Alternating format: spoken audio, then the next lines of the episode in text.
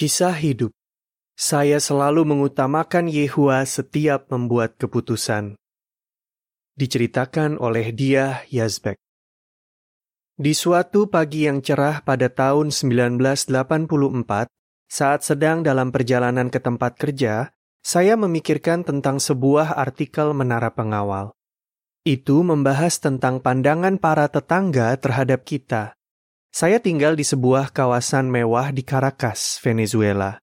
Sambil melihat ke sekeliling, saya berpikir, apa para tetangga memandang saya sebagai seorang karyawan bank yang sukses, atau sebagai seorang hamba Allah yang mencari nafkah dengan bekerja di bank? Saya tahu jawabannya, tapi bukan itu jawaban yang saya inginkan. Jadi, saya putuskan untuk lakukan sesuatu. Saya lahir tanggal 19 Mei 1940 di kota Amyun di Lebanon. Beberapa tahun kemudian, keluarga kami pindah ke kota Tripoli, dan saya tumbuh besar di sana. Keluarga kami bahagia dan saling menyayangi. Saya dibesarkan dalam kebenaran. Saya anak bungsu dari lima bersaudara, tiga perempuan dan dua laki-laki. Bagi orang tua saya, mencari uang itu bukan hal yang terpenting, yang paling penting untuk keluarga kami adalah belajar Alkitab, berhimpun, dan membantu orang lain untuk mengenal Allah. Dulu, ada beberapa orang Kristen terurap di sidang kami. Salah satunya adalah Michelle Abud, yang memandu pelajaran buku sidang. Dia mengenal kebenaran di New York dan mulai mengabar di Lebanon pada tahun 1921. Saya ingat bahwa dia sangat baik kepada dua saudari muda lulusan Gilead, Anne dan Gwen Biver. Dia memperlakukan mereka dengan penuh respek. Kami semua jadi teman baik. Bertahun-tahun kemudian, saya senang sekali waktu ketemu Anne di Amerika Serikat. Tidak lama setelah itu, saya juga ketemu Gwen, yang waktu itu sudah menikah dengan Wilfred Gush dan sedang melayani di Battle London di Inggris. Mengabar di Lebanon. Waktu saya masih muda, hanya ada sedikit saksi di Lebanon. Tapi, kami sangat bersemangat menceritakan tentang Alkitab kepada orang lain, meski ada tentangan dari para pemimpin agama. Ada beberapa kejadian yang masih saya ingat. Suatu hari, saat saya dan kakak perempuan saya, Sana, sedang mengabar di sebuah apartemen, seorang pastor tiba-tiba datang. Sepertinya ada yang memberitahu dia tentang kami. Pastor itu mulai memaki-maki kakak saya, lalu dia menjadi semakin kasar dan mendorong sana sampai jatuh dari tangga dan sana terluka. Tapi ada seseorang yang menelepon polisi. Polisi datang dan memastikan bahwa ada yang menolong sana. Lalu, pastor itu dibawa ke kantor polisi dan ternyata dia ketahuan membawa pistol. Kepala polisi tanya, Bapak ini sebenarnya pemimpin agama atau ketua geng. Peristiwa lain yang saya masih ingat jelas adalah waktu sidang kami menyewa bus untuk pergi mengabar di daerah terpencil. Waktu itu semuanya baik-baik saja, sampai ada seorang pastor yang tahu bahwa kami sedang mengabar di sana. Dia mengumpulkan massa dan mereka menyerang kami, bahkan melempari kami dengan batu. Papa saya jadi terluka. Saya ingat wajahnya sampai penuh darah. Lalu papa dan mama kembali ke bus, dan kami semua ikut. Waktu itu kami khawatir sekali. Tapi waktu mama sedang membersihkan luka papa, mama bilang, Yehua, tolong maafkan mereka. Mereka tidak tahu apa yang mereka lakukan. Saya tidak akan pernah lupa kata-kata mama itu. Peristiwa lain adalah waktu kami mengunjungi keluarga di kota asal kami. Di rumah kakek saya, kami bertemu dengan seorang uskup yang sangat dihormati. Dia tahu kalau orang tua saya adalah saksi-saksi Yehua. Waktu itu saya masih berumur enam tahun. Tapi, uskup itu mencoba membuat saya merasa malu dengan berkata, Kenapa kamu belum juga dibaptis? Saya jawab, kalau saya masih kecil dan saya mau dibaptis kalau saya sudah tahu lebih banyak tentang Alkitab dan punya iman yang kuat. Dia tidak suka mendengar jawaban saya. Jadi, dia beritahu kakek saya kalau saya tidak sopan. Tapi sebenarnya, pengalaman buruk seperti itu tidak banyak. Kebanyakan orang Lebanon baik dan ramah. Jadi, kami bisa mengabar kepada banyak orang Lebanon, dan ada banyak yang mau belajar Alkitab.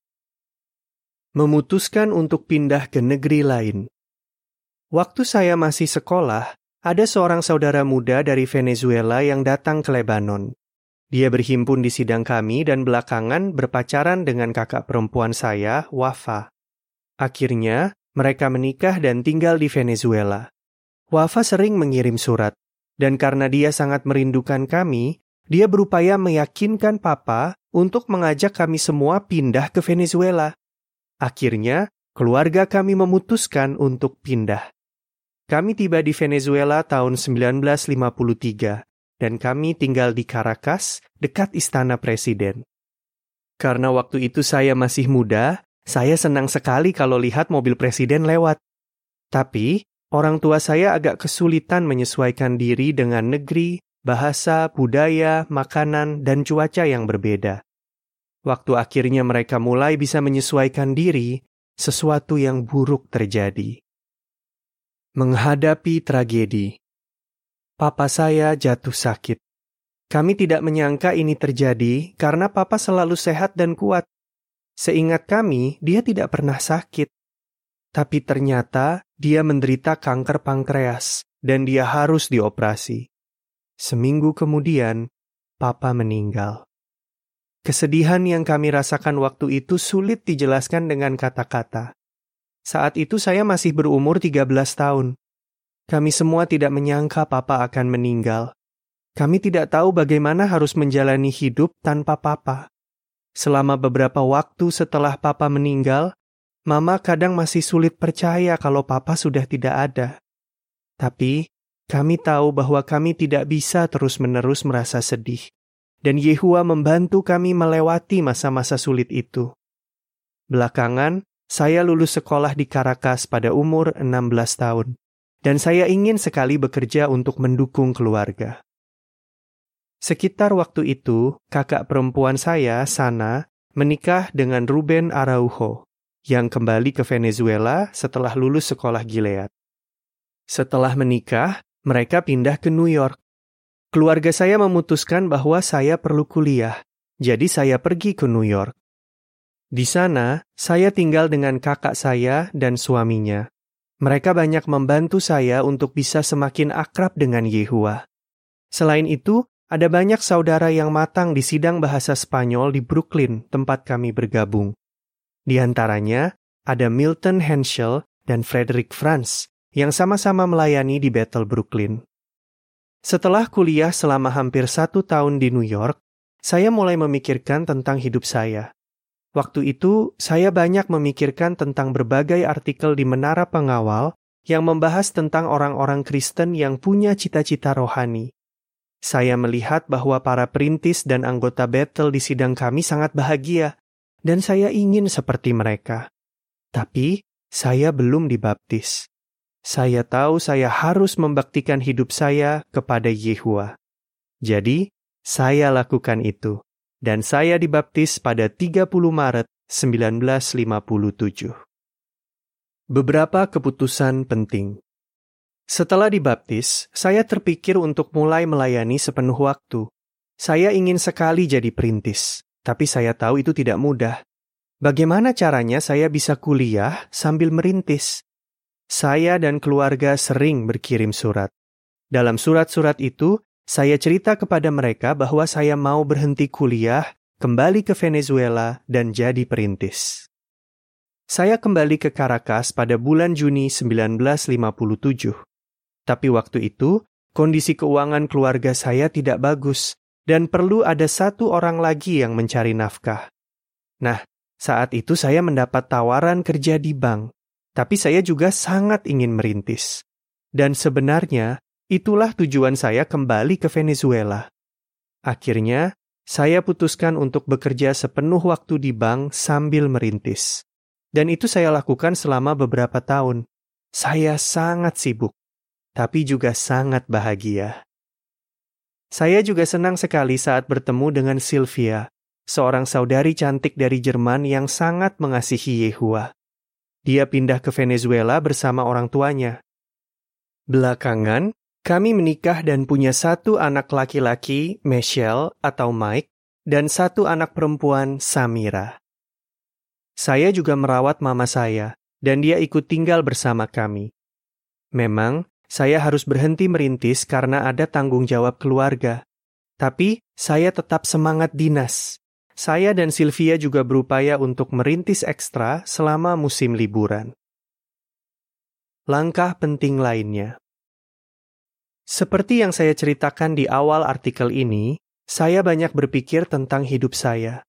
Waktu itu, anak-anak saya masih sekolah. Hidup kami nyaman, dan saya cukup direspek oleh orang-orang yang bekerja di bank. Tapi sebenarnya, saya ingin orang-orang lebih mengenal saya sebagai hamba Yehua. Saya terus berpikir apa yang bisa saya lakukan. Jadi, saya dan istri saya membahas kondisi keuangan kami. Kalau saya berhenti kerja, saya akan menerima uang pesangon. Dan kami rasa, jika hidup kami lebih sederhana, uang kami akan cukup untuk biaya hidup selama beberapa tahun karena kami juga tidak punya utang. Ini bukan langkah yang mudah, tapi istri dan mama saya benar-benar mendukung keputusan ini. Jadi, saya berencana untuk merintis lagi. Saya senang sekali. Tapi lalu, kami mendapat kabar yang tidak disangka-sangka. Kejutan yang menyenangkan. Suatu hari, dokter mengatakan bahwa Sylvia hamil. Kami berdua kaget. Kami sangat senang, tapi saya jadi berpikir, apa saya bisa merintis? Meski begitu, kami siap secara mental dan emosi untuk menyambut anggota keluarga kami yang baru. Tapi waktu itu, saya masih ragu apa saya bisa merintis. Setelah membicarakannya sama-sama, kami putuskan untuk tetap pada rencana awal. Putra kami, Gabriel, lahir pada bulan April 1985. Lalu, saya mengundurkan diri dari bank dan mulai merintis pada bulan Juni 1985. Belakangan, saya menjadi anggota panitia cabang. Tapi, kantor cabang Venezuela bukan di Caracas, jadi, saya harus menempuh jarak kira-kira 80 km untuk pulang pergi ke Bethel 2-3 kali dalam seminggu. Kami pindah lagi. Kantor cabang Venezuela terletak di kota La Victoria. Jadi, keluarga kami memutuskan untuk pindah ke sana agar lebih dekat dengan Bethel. Ini perubahan besar untuk kami. Saya sangat berterima kasih kepada keluarga saya Dukungan mereka luar biasa. Kakak perempuan saya, Baha, rela mengurus mama kami. Waktu itu, Mike sudah menikah, tapi Samira dan Gabriel masih tinggal dengan kami. Karena kami pindah ke La Victoria, mereka harus meninggalkan teman-teman mereka di Caracas. Selain itu, Sylvia juga harus membuat penyesuaian untuk tinggal di kota kecil. Dan kami semua harus membiasakan diri tinggal di rumah yang lebih kecil. Ya, ada banyak penyesuaian yang perlu dibuat waktu kami pindah dari Caracas ke La Victoria. Tapi setelah itu, ada perubahan lagi. Gabriel menikah, dan Samira tidak tinggal dengan kami lagi. Lalu, saya dan Sylvia diundang ke Bethel pada tahun 2007. Dan kami masih melayani di Bethel sampai sekarang. Mike, putra tertua kami, melayani sebagai penatua, dan dia merintis bersama istrinya, Monica. Gabriel juga seorang penatua, dan dia melayani di Italia bersama istrinya, Ambra. Selain itu, Samira merintis sambil membantu Battle sebagai relawan jarak jauh. Saya tidak pernah menyesali keputusan saya.